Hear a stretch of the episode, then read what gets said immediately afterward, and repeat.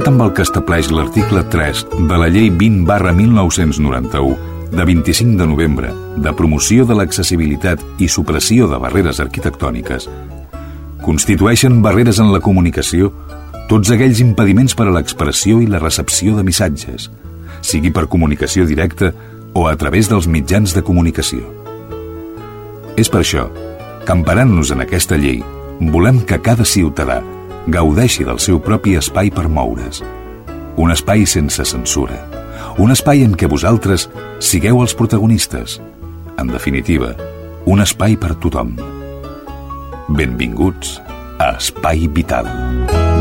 Benvinguts, benvingudes, ben trobats, ben trobades a Espai Vital, a la sintonia de la vostra ràdio municipal. Ja ho sabeu, aquest és un espai radiofònic o produït per les ràdios municipals de Santa Perpètua de Mogoda, Cerdanyola del Vallès, Montcada i Reixac, Sabadell, Barberà del Vallès i també, evidentment, en Ripollet, que és, per cert, la ràdio de Ripollet, a Ripollet Ràdio, la que ens acull i ens permet d'enregistrar aquest programa que treballa per una societat inclusiva, una societat on tothom hi té el seu lloc. És una ràdio, a més a més, adaptada adaptada, la qual cosa ens satisfà.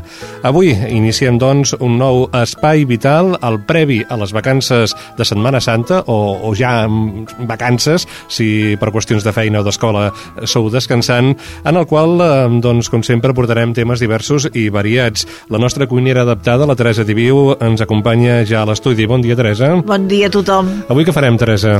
Mira, per aquestes festes, doncs mira, bacallà rebossat, aquesta pasta que us donaré tant serveix pel bacallà com per l'esvergínia arrebossada. Bacallà i no va dir res, eh? Això, bacallà no va dir res.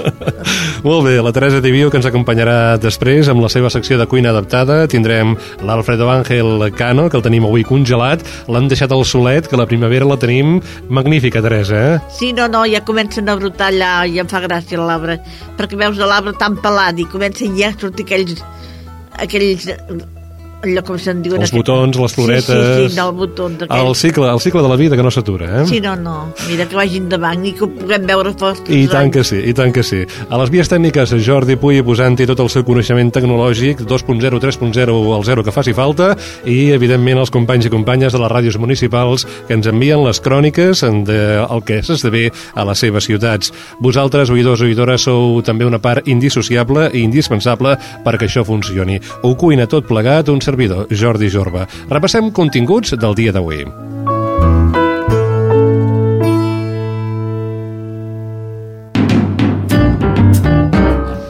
Avui en Xavi Casas, que és la persona que ens inspira i que ens oblidaven en els crèdits, doncs ha treballat força per aquesta secció de l'Espai Vital. Ens portarà dues entrevistes, una d'elles a Núria Fuster, la persona que coordina la Fundació Esclerosi Múltiple. Coneixerem diverses activitats que ha realitzat aquesta fundació i també d'altres que du a terme projectes, investigacions, feina, en definitiva, que fan en benefici de persones malaltes de la nostra societat.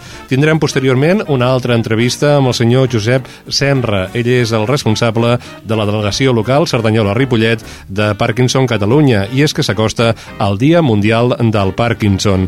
L'Alfredo Ángel Cano hi posarà la secció del cercador que, com sempre, el que fa és espigolar el nostre blog, el blog d'Espai Vital i trobar aquelles notícies que, al seu entendre, són les més destacades. Hi haurà la secció de la Teresa Diviu, aquesta pasta per, per fer rebossats i, com no, les cròniques comarcals.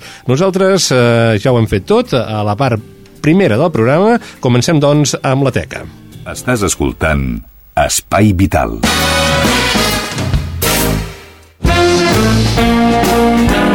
Anem directament a la primera entrevista que ens porta en Xavier Casas. És a Núria Fuster, ella és la coordinadora de la Fundació Esclerosi Múltiple, la persona responsable, cap visible d'aquesta associació que organitza activitats com el Mullet per l'esclerosi múltiple el primer cap de setmana del mes de juliol o, per exemple, la Poma per la vida. En Xavi ja ha parlat. Nosaltres escoltem tot de seguit aquesta entrevista. Xavi, arranca el motor. En aquesta nova etapa de l'Espai Vital volem parlar a continuació amb una de les fundacions fundacions que més fa per malalts, en aquest cas d'esclerosi múltiple.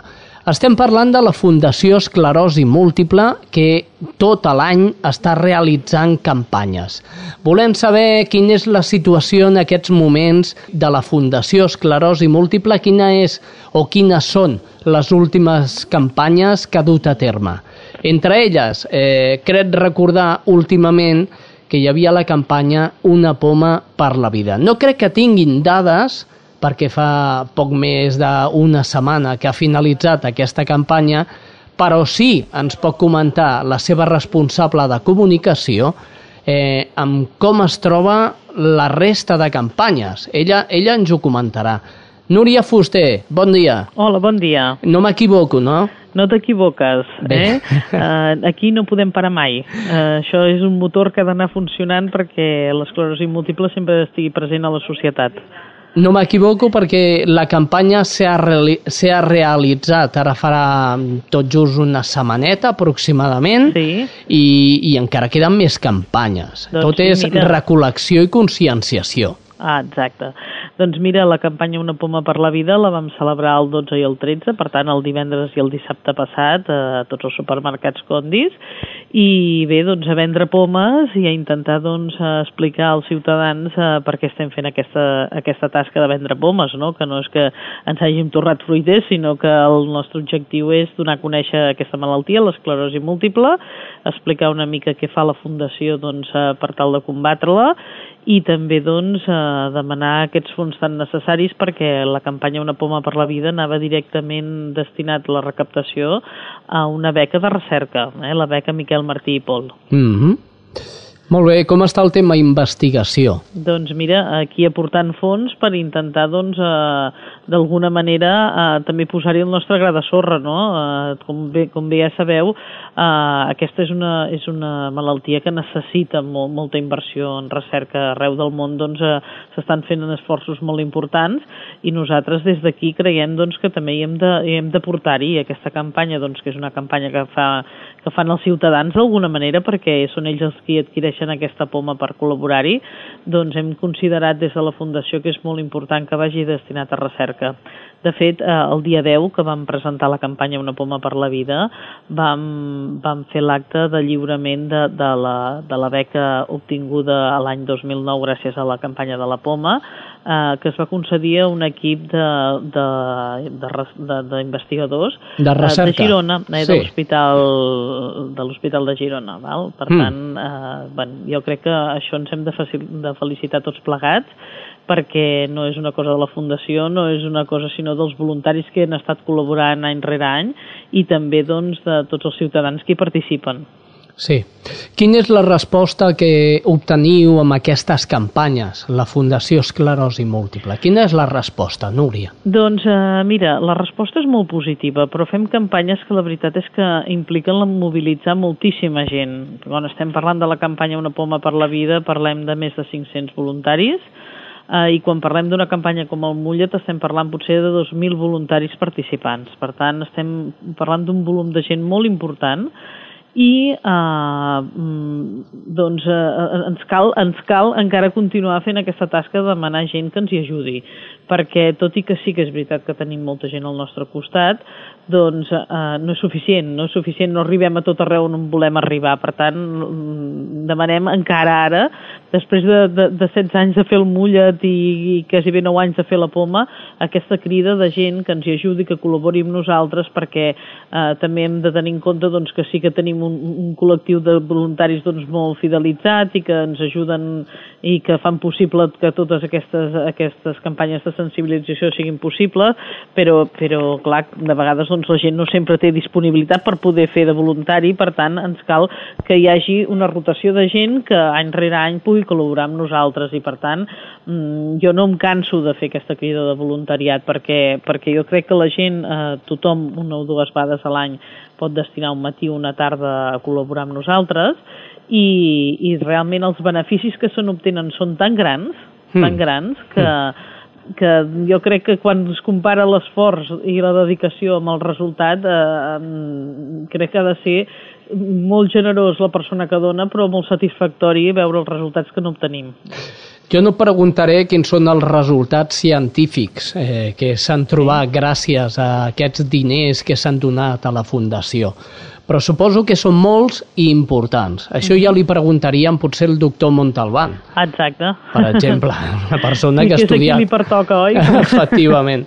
Molt bé, altres campanyes. Dèiem la poma. Eh, estem a punt de fer el mullet. Sí, espera que abans encara en tenim un parell més, eh? Què dius ara? Que sí, i tant, i tant. Di- això. digue'm, digue'm, digue'm, doncs tu mira, per explica'm. exemple, el 16 de maig eh, farem la cursa al circuit de Catalunya. Què eh? dius ara? Què dius? Allà tots a córrer ens toca anar, eh? I, i l'any passat ja vam tenir més de 3.000 persones corrent i 10.000 que van participar en diferents activitats al recinte. Sí. I per tant, doncs, escolta, cap allà a córrer per l'esclerosi múltiple toca també. Molt bé, calés també? Calés? També la inscripció de- de- de- d'aquesta cursa també va destinada íntegrament a la Fundació. Eh? I, Per tant, és una manera també de, de participar-hi, doncs un passant-s'ho bé i corrent doncs, pel circuit. Hi ha diferents nivells de curses, de 10.000, de 3.000, la milla, vull dir que tothom hi pot participar en una o l'altra, estigui preparat o no n'estigui.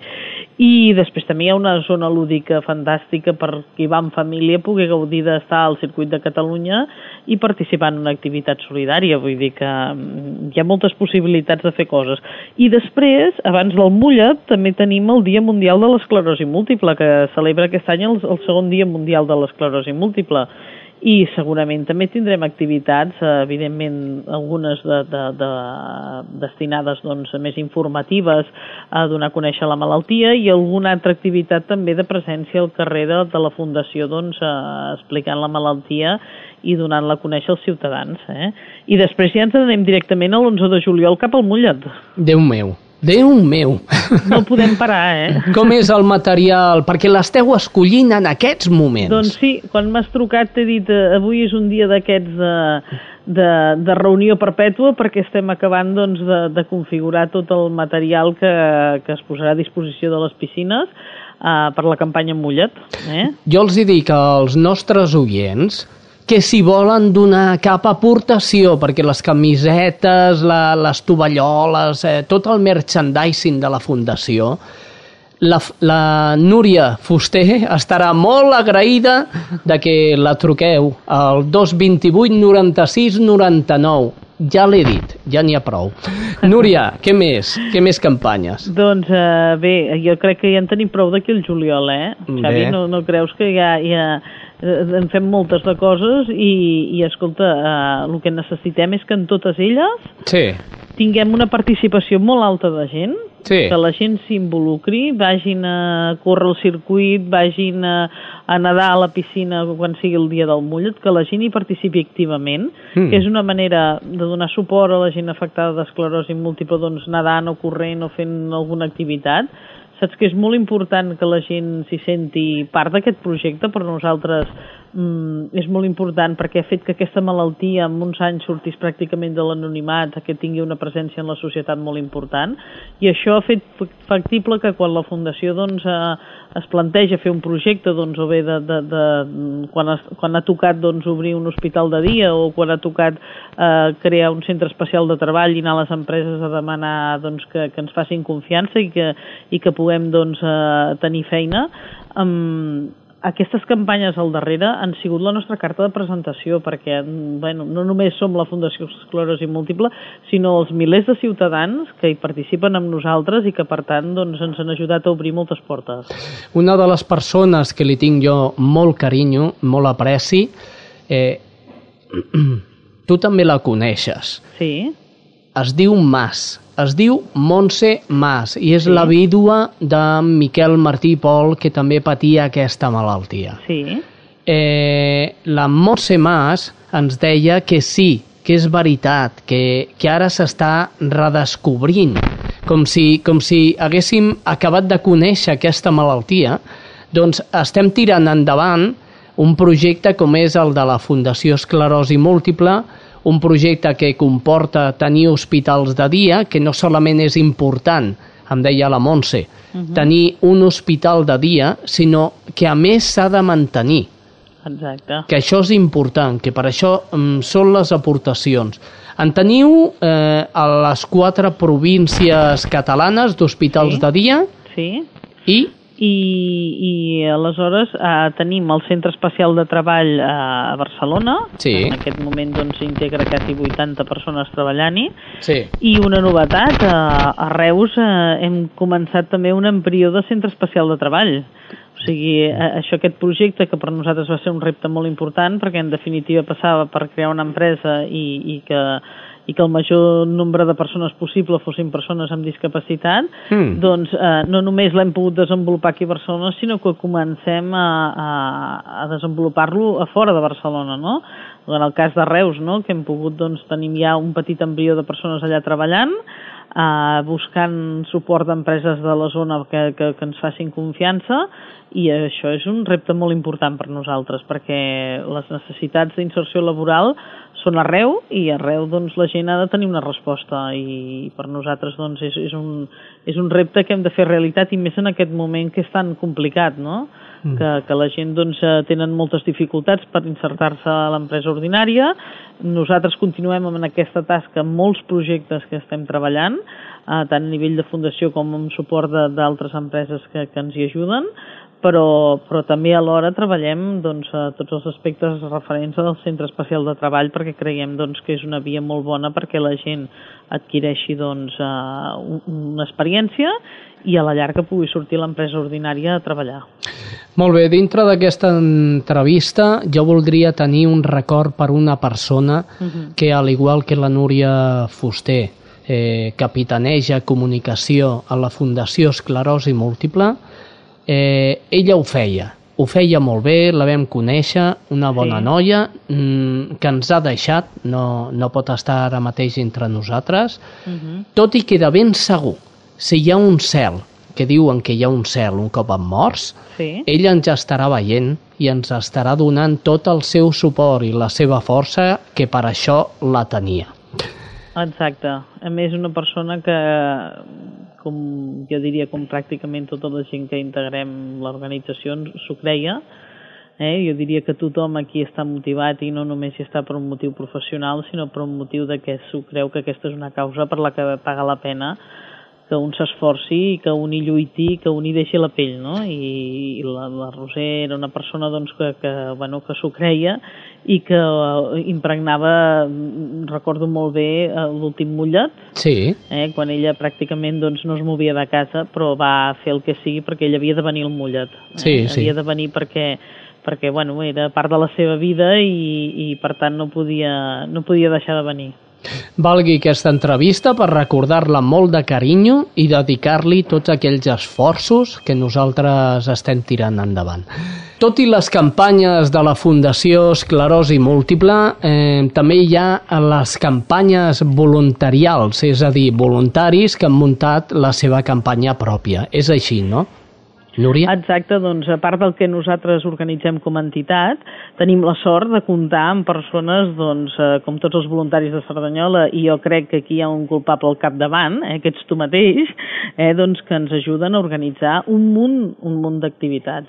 En el cas doncs, vostre, heu fet moltes iniciatives i recentment, doncs, eh, mira, el dia 5 de febrer vam poder comptar doncs, eh, amb aquests monòlegs solidaris a Cerdanyola del Vallès que van tenir un èxit aclaparador Uh, doncs uh, jo vull agrair des de la Fundació Esclerosi Múltiple que totes les persones que, que amb tu al capdavant doncs, que els motives i que d'alguna manera doncs, incites a que tot això passi, vull agrair doncs, que, que tinguin aquesta aportació a la Fundació perquè organitzar aquests actes doncs, sabem perfectament que és un esforç molt important i també doncs, a totes les persones de Cerdanyola doncs, que, que ho segueixen amb aquestes iniciatives, que, que han fet possible doncs, que quan s'organitzen aquests monòlegs doncs, eh, estigui pràcticament ple, que tingui un èxit i que la gent quedi molt contenta és molt important i per tant sàpiguen doncs, que tot això va destinat a una finalitat molt concreta que és donar suport a la Fundació Esclerosi Múltiple i que la seva ajuda és molt important. I que- divulgar, i divulgar, i divulgar. I, i divulgar i explicar que aquesta malaltia doncs, eh,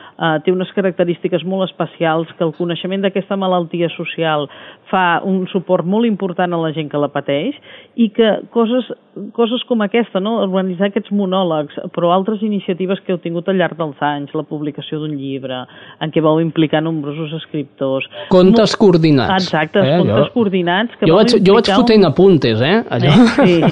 No, no, que vau implicar un munt d'escriptors reconeguts que, que van cedir doncs, part de la seva obra moltes, moltes iniciatives que crec que heu creat una dinàmica que és molt positiva, perquè més som un col·lectiu de gent molt jove, que, que no només feu de voluntaris, sinó que feu, jo diria, d'impulsors, eh, de donar a conèixer aquesta malaltia i de col·laborar amb la Fundació. I vull agrair molt especialment a, a tu, a tu, però també a tot l'equip que sé que et dona suport, perquè crec que sou persones que, que heu demostrat eh, la vostra, la vostra suport a la Fundació, però no només això, sinó la vostra vàlua organitzant actes, que això no és gens fàcil.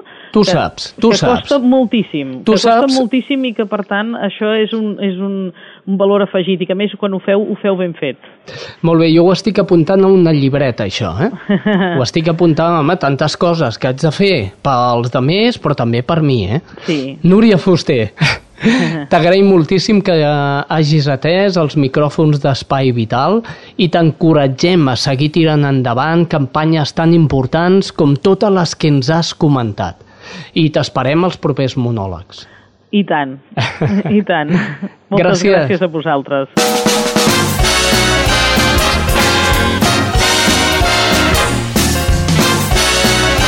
Espai Vital, el primer programa adaptat de les zones.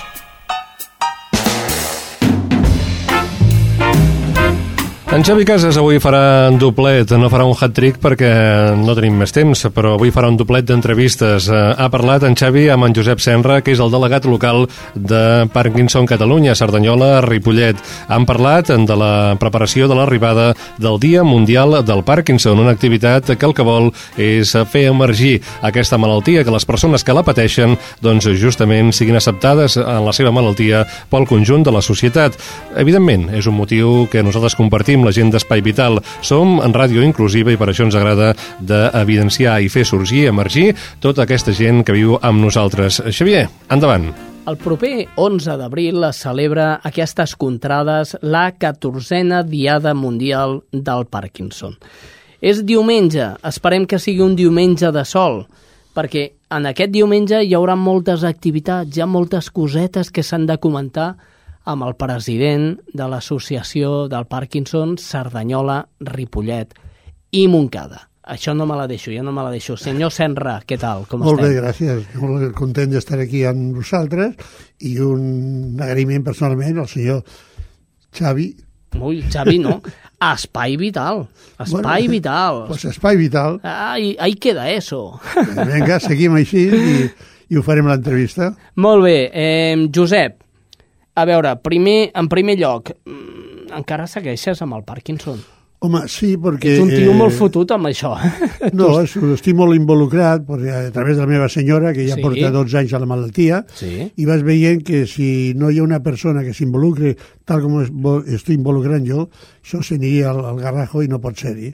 No mm. trobo una persona per ara que em pugui substituir. I com a mínim que et fot un cop de mà. Bueno, això ja tinc alguns ajudants, que jo mateix vaig delegant en ells en quines coses, uh mhm. -huh. perquè eh, cada vegada tenim més eh, problemes i més solucions per buscar. Vostè sap, senyor Senra, que el fet de col·laboració voluntària sense cobrar sempre és difícil. Home, i més integrant-se, perdona, com jo m'estic integrant, que porto 10 anys eh, dintre d'aquesta malaltia i oferint tots els meus esforços tot el dia sencer.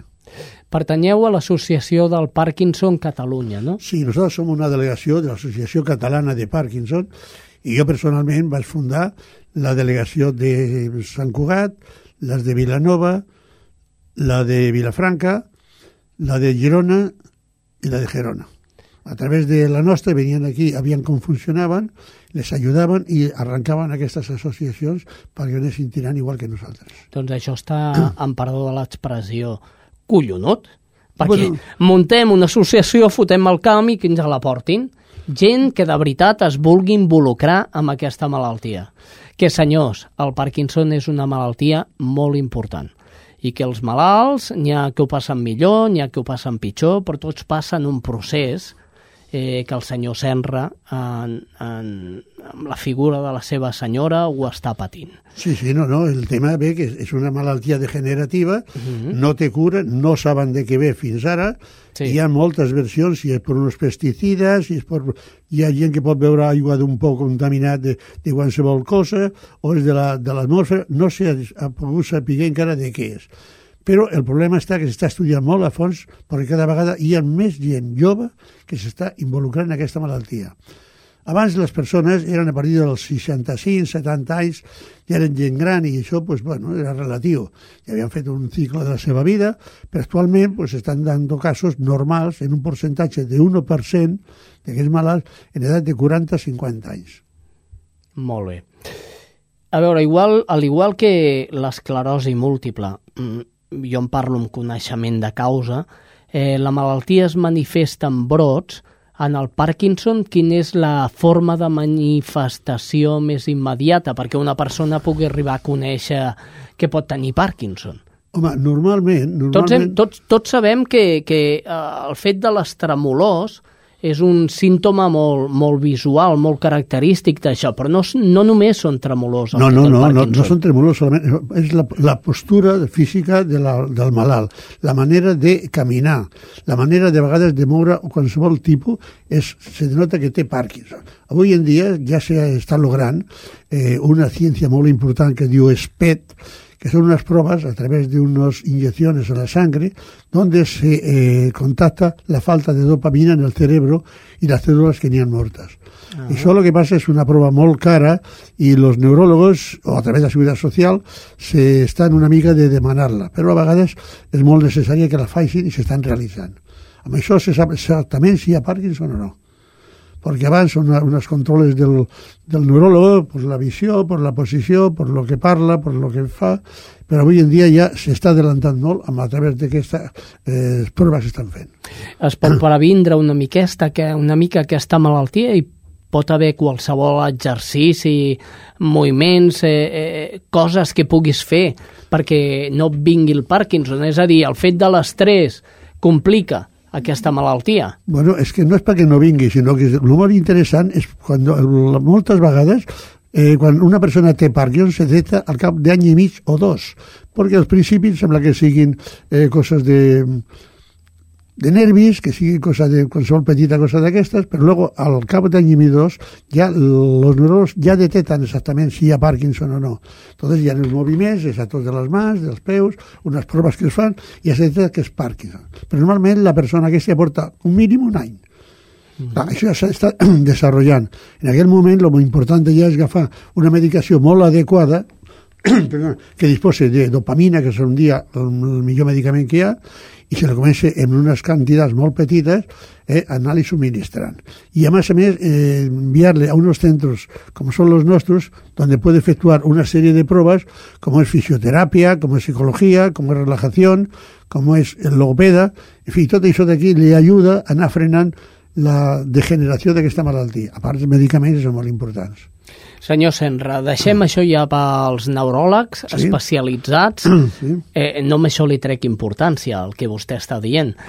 I ataquem una miqueta a la diada, ah, el dia bé, eh? 14 d'abril, no s'ho perdi. 11 d'abril, perdoni aquí fica ai, 14, el, la 14a diada el dia 11. O sigui, clar. No, no, el dia 11 d'abril és que és el dia mundial del Parkinson. Què faríem sense vostè? No, sense mi no. Eh, que és quan el doctor James Parkinson eh, justificó que havia descobert el Parkinson sí. i per això es celebra el dia 11 d'abril. 11 d'abril del 2010. Bueno, Lloc, a la plaça Bat Oliva de Cerdanyola. Sí, I què celebra? Què, què celebrem? Què fem? Home, nosaltres, a part de la celebració per cridar la gent que vingui, que fem una sèrie d'actes conmemorativos i agraïm a les cases regionals que fan per, per presentar-se, sí. establim unes taules informatives molt importants on ahí se dona informació de tot el que és l'associació, de tot el que podem ajudar amb els malalts de Parkinson, igual que eh, tot el que disposem, com són por ejemplo, pues eh, asesoría legal, eh, asesoría social, resolvimiento de ayudas técnicas, en fi, tot això se pot demanar informació a la plaça de Bat Oliva. Mentre s'escucha a la rondalla de la Casa d'Aragón, Molt bé, aquí, Sí. aquí anava jo, aquí anava jo, els actes sí, d'aquest sí, dia. a eh? Casa d'Aragón. Que ja, ja l'he cagat dient el dia, no, Bueno. ja amb el- la diada, no, és que és diada, el dia 14 de diada, el dia 11, sí. Día 11 de abril, al matí, a partir de las 11 del matí, la Casa Regional de Aragón pues, nos interpretará unos bailes aragoneses y unas jotas muy bonitas. Després estarà també la Coral Rondalla, Mm. de l'Esplai La Caixa, que sempre col·labora con nosaltres. Sí. I finalment, que és el punt fort, donde tota la gent ja li agrada, que ja estarà tota la plaça de, gom- de gom a gom, esperem, Sí. eh? la Casa de Andalucía, eh, harà unes sevillanes, harà unes seguidilles i una actuació memorable.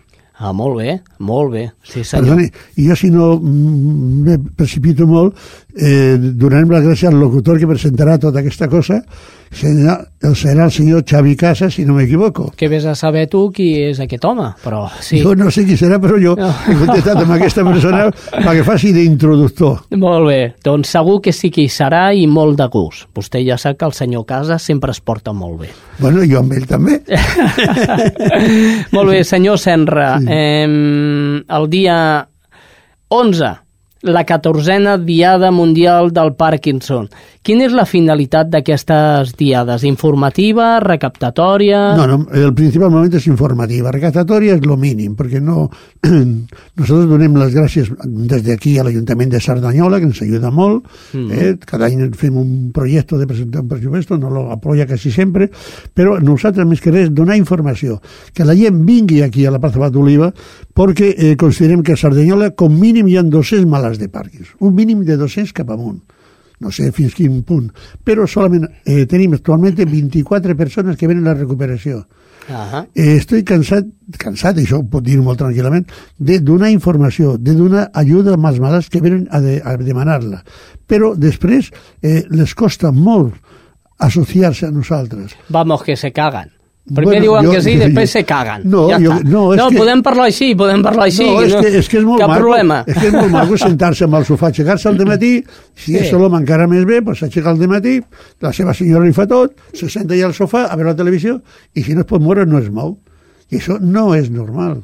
Mm. El parkinsoniano té obligació de moure no de sortir a caminar i per, per compte seva, no, no. Ha de fer un exercici que és molt important, com la logopèdia.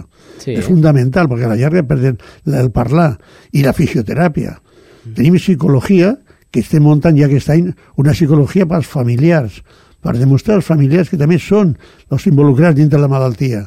Perquè en el Parkinson eh, tant o més important és el malalt com el familiar. Claro, sí, sí, estem fent cursillos pel cuidador. Tenim mm -hmm. ja una teràpia de cuidando al cuidador, perquè el cuidador sepa lo que té de el malalt. Y digo yo, ¿quién cuida al cuidador del cuidador? Bueno, eso está por estudiar todavía. Molt bé, senyor Senra, sobretot que el proper 11 d'abril, sí. el diumenge, faci un sol maco, perquè sí, eh, que celebri una diada tan maca com aquesta i que cada any vostè tira endavant i tots els seus associats eh, l'ajuden i des d'Espai Vital, com sempre, volem recol recolzar-lo, tant a vostè com a l'Associació del Parkinson Cerdanyola Ripollet Montcada. Moltes gràcies. Muchas gracias a ustedes y espero que tan a Moncada como al resto de emisoras que usted dirige siguen eh, Ja capaços ja de m'agradaria. que vinguessin alguns aquí a informar-se, no més que informar-se, demana eh, tríptics, folletos, informació. No demanen res més, eh? que s'aprovin a la taula i que demanin, por favor, tinc Parkinson, què puc fer? Això seria l'eslògan més important per nosaltres. Mm -hmm. Doncs molt bé, espero que així, així ho fagin. Gràcies, senyor Senra. Gràcies a vostès.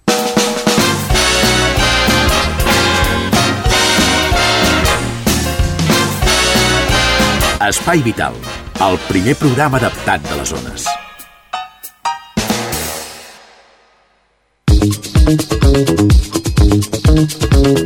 Anem a fer un tomb per la comarca, anem a saber i a conèixer què és el que ha esdevingut notícia a les diverses localitats que coproduïm aquest programa a través de la selecció que ens porten i presenten els companys i companyes de les ràdios municipals que hi treballen fent feina cada dia en aquests mitjans de comunicació. Comencem sense moure'ns d'aquest estudi. Comencem a Ripollet. És Francina Ricard qui ens explica el programa de la Regidoria de Serveis Socials de l'Ajuntament de Ripollet adreçat a la gent gran. Quan vulguis, Francina. Avui des de Ripollet us volem parlar de la gent activa que aquí en el nostre municipi en tenim molta, especialment a partir dels 65 anys. El proper mes d'abril, la Regidoria de Serveis Socials posarà en marxa noves activitats dins del programa Gent Activa, iniciat el passat mes de febrer. Es tracta dels tallers de Tai Chi i els de risoteràpia. A més, també començaran el cicle de xerrades sobre temes relacionats amb el benestar físic i psíquic de les persones amb col·laboració de la Regidoria de Salut Públic i de Consum de l'Ajuntament de Ripollet i la Diputació de Barcelona. Gent Activa és una experiència consolidada que l'edició anterior ja va comptar amb una participació de 500 persones. Enguany el programa repeteix tallers i activitats donada la demanda de continuïtat rebuda dels propis usuaris. Totes les activitats són gratuïtes i s'adrecen a gent gran de Ripollet. El passat mes de febrer ja es va iniciar les activitats amb els tallers d'internet que s'imparteixen al Casal d'Avis i a l'oficina de la Llei de Barris de Can Mas. A més, es va fer la primera de les sessions d'intercanvi generacional entre gent gran del municipi i usuaris del Centre Obert La Placeta i els Molins. En quant al cicle de conferències que es faran al Centre Cultural, se'n faran dues. Una que es diu M'explico, sobre activitats comunicatives el dia 8 d'abril, i una altra que serà com fer servir la recepta electrònica el dia dia 22 d'abril. Això és tot des de Ripollet Ràdio. Molt bona tarda.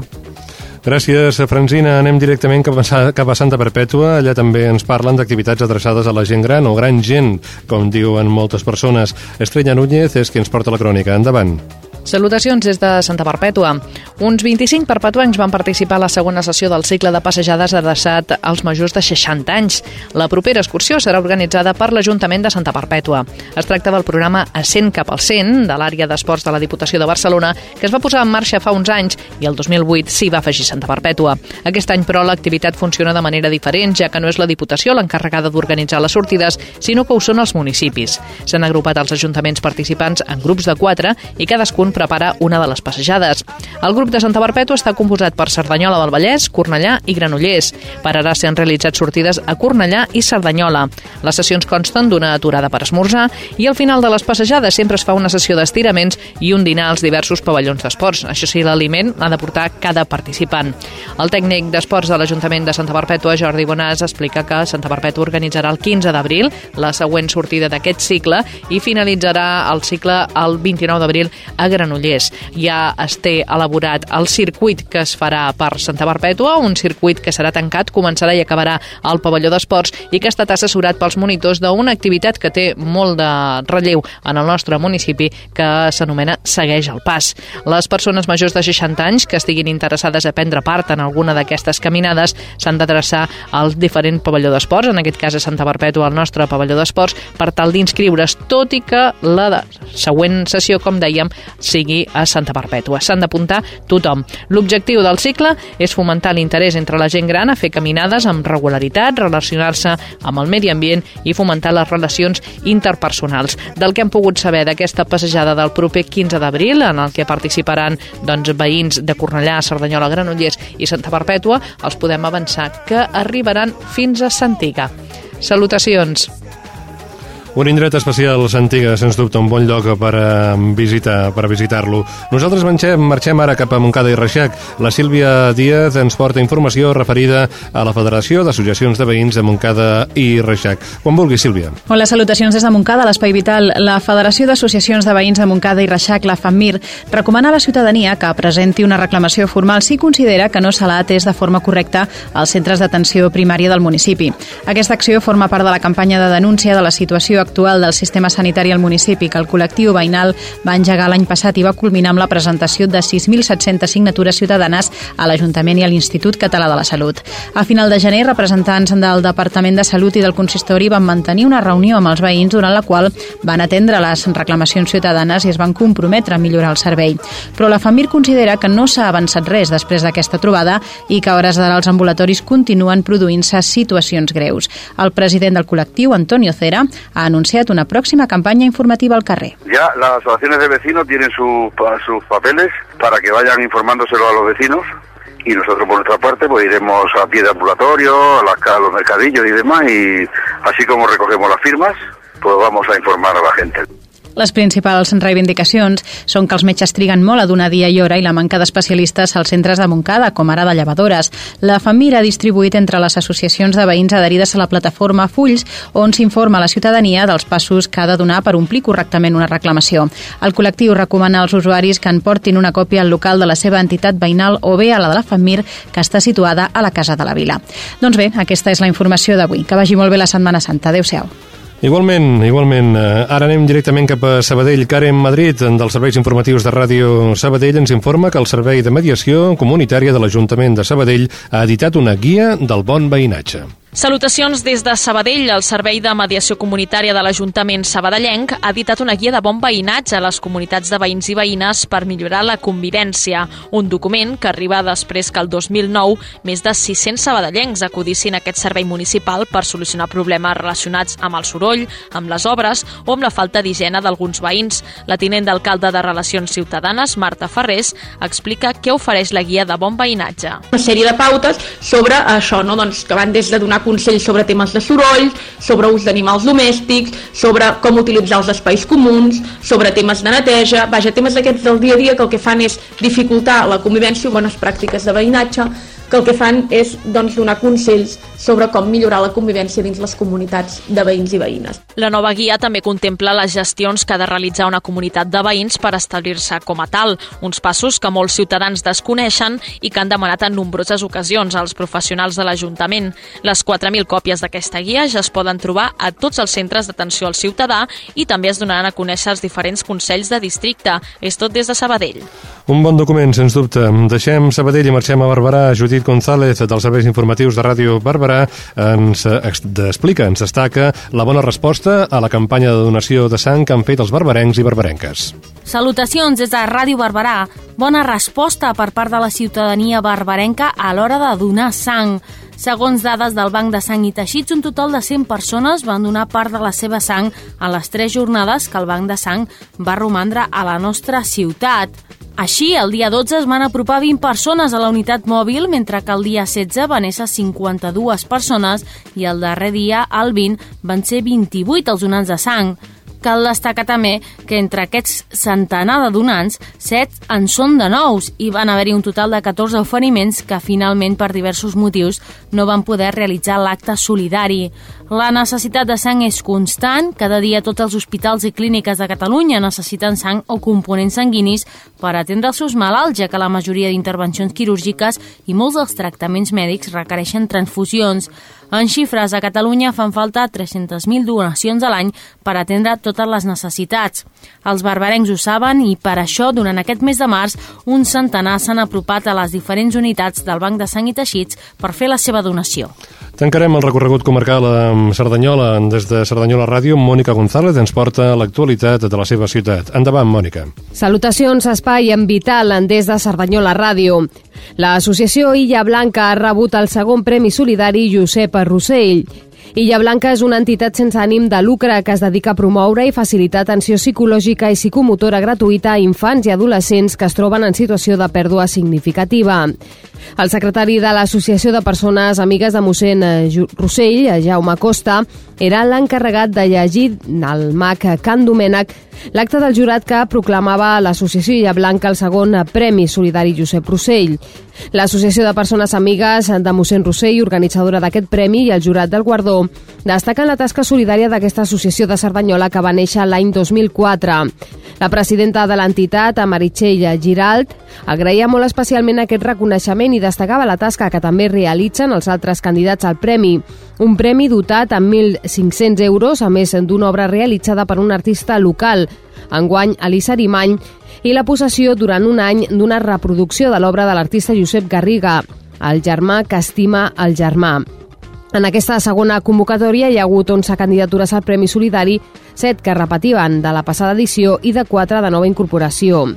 El president de l'Associació de Persones Amigues de mossèn Rossell, Eduard Lluís, recordava que aquest guardó es va crear recollint l'esperit de mossèn Rossell i la seva voluntat de donar a conèixer els projectes de la ciutat orientats a atendre les necessitats de les persones en situació desfavorable.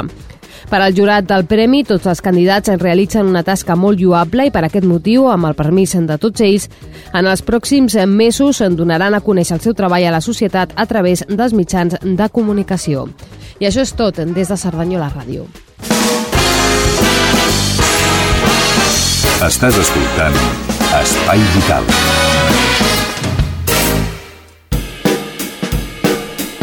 Anem al cercador. Alfredo Ángel Cano espigola el nostre blog i ens porta les notícies que ell troba més destacades. Quan vulguis.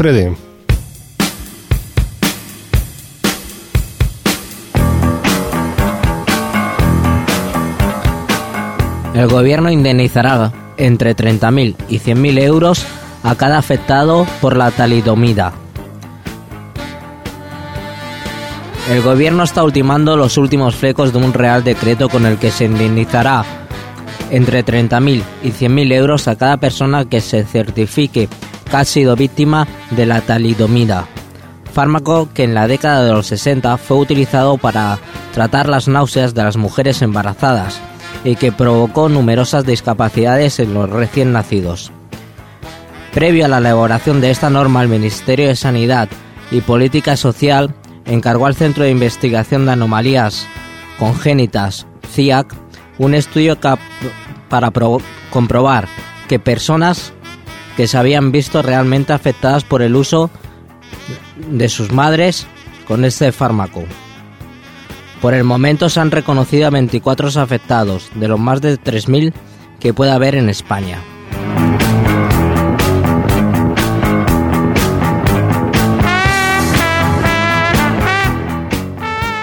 El plan de ahorro farmacéutico costará 5.000 empleos en las boticas.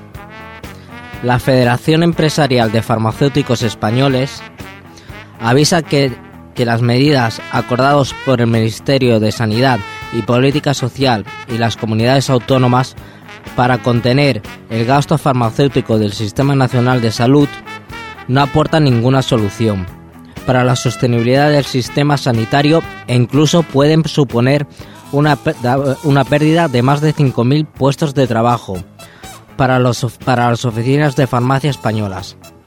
Según explicaron, tras conocer a través de la prensa las decisiones adoptadas por el Consejo Interterritorial. El conjunto de medidas presentadas por Sanidad son economicistas y perjudican seriamente al servicio farmacéutico y hacen peligrar el modelo español de la oficina de farmacia. Estàs escoltant Espai Vital.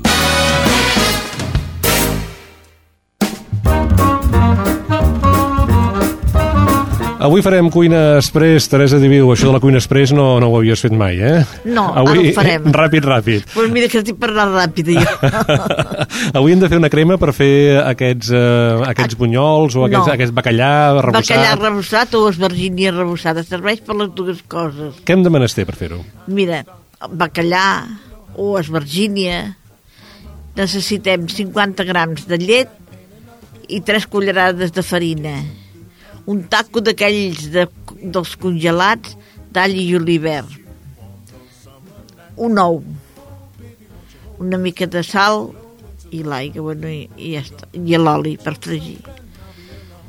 El bacallà, si el compreu ja descongelat, vull dir, de la plaça, que us el tallin a trossets un- d'uns dos dits, allò trossets no gaire grossos, allò vosaltres mateixos pel que necessiteu. L'esvergínia, doncs mira, o l'esvergínia, si agafeu una mandolina, doncs talleu llesques llargues o rodones, com vulgueu. I amb allò també es pot fer aquesta d'això. Posem l'aigua, no, sí, l'aigua. No, no, no, espera't, aigua no. Posem llet. Llet 50 grams, el posem en un plat fondo. I posem dues cullerades, corulles de farina. I una miqueta, una punteta de sal, per que no sigui tan dolç. I ho remeneu. Ben remenat, que s'ajunti la llet amb, amb la farina. Ben remenat. Allà hi posem un rovell d'ou, també ho remenem. L'all i el julivert. L'ou només el rovell, la clara la guardeu. I poseu també el julivert picat allà també una miqueta, que no, si no, vull dir, és bo que es trobi el gustet. però massa no també. Pues allà remenat allà, feu una pasta.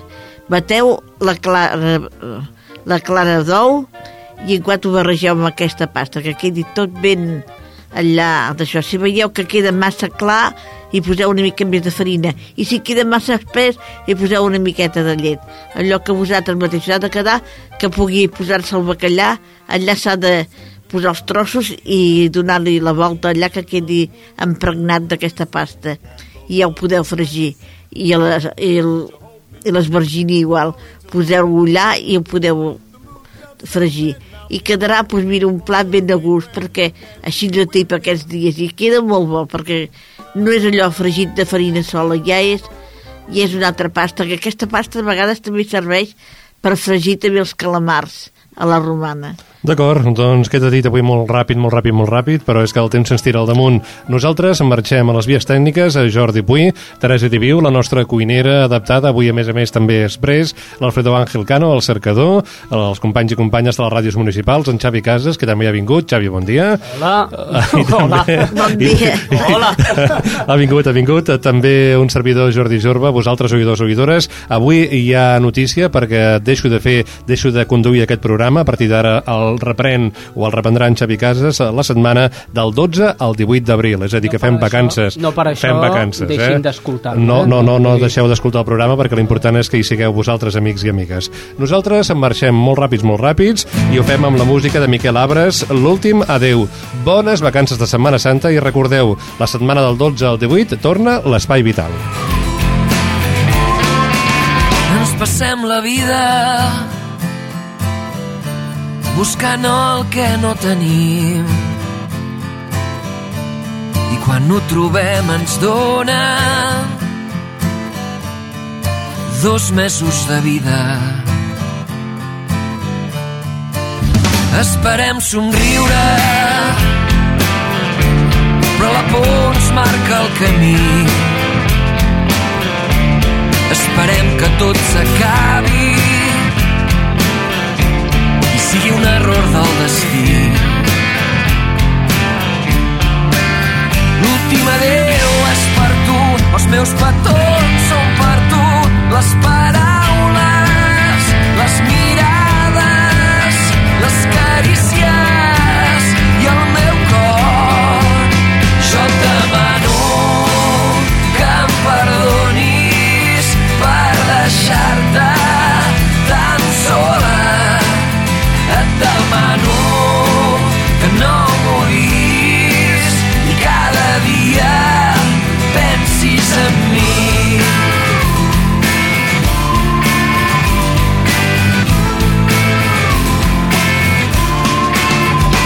passem la vida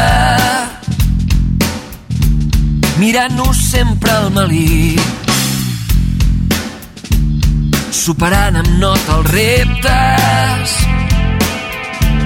superant adversitats.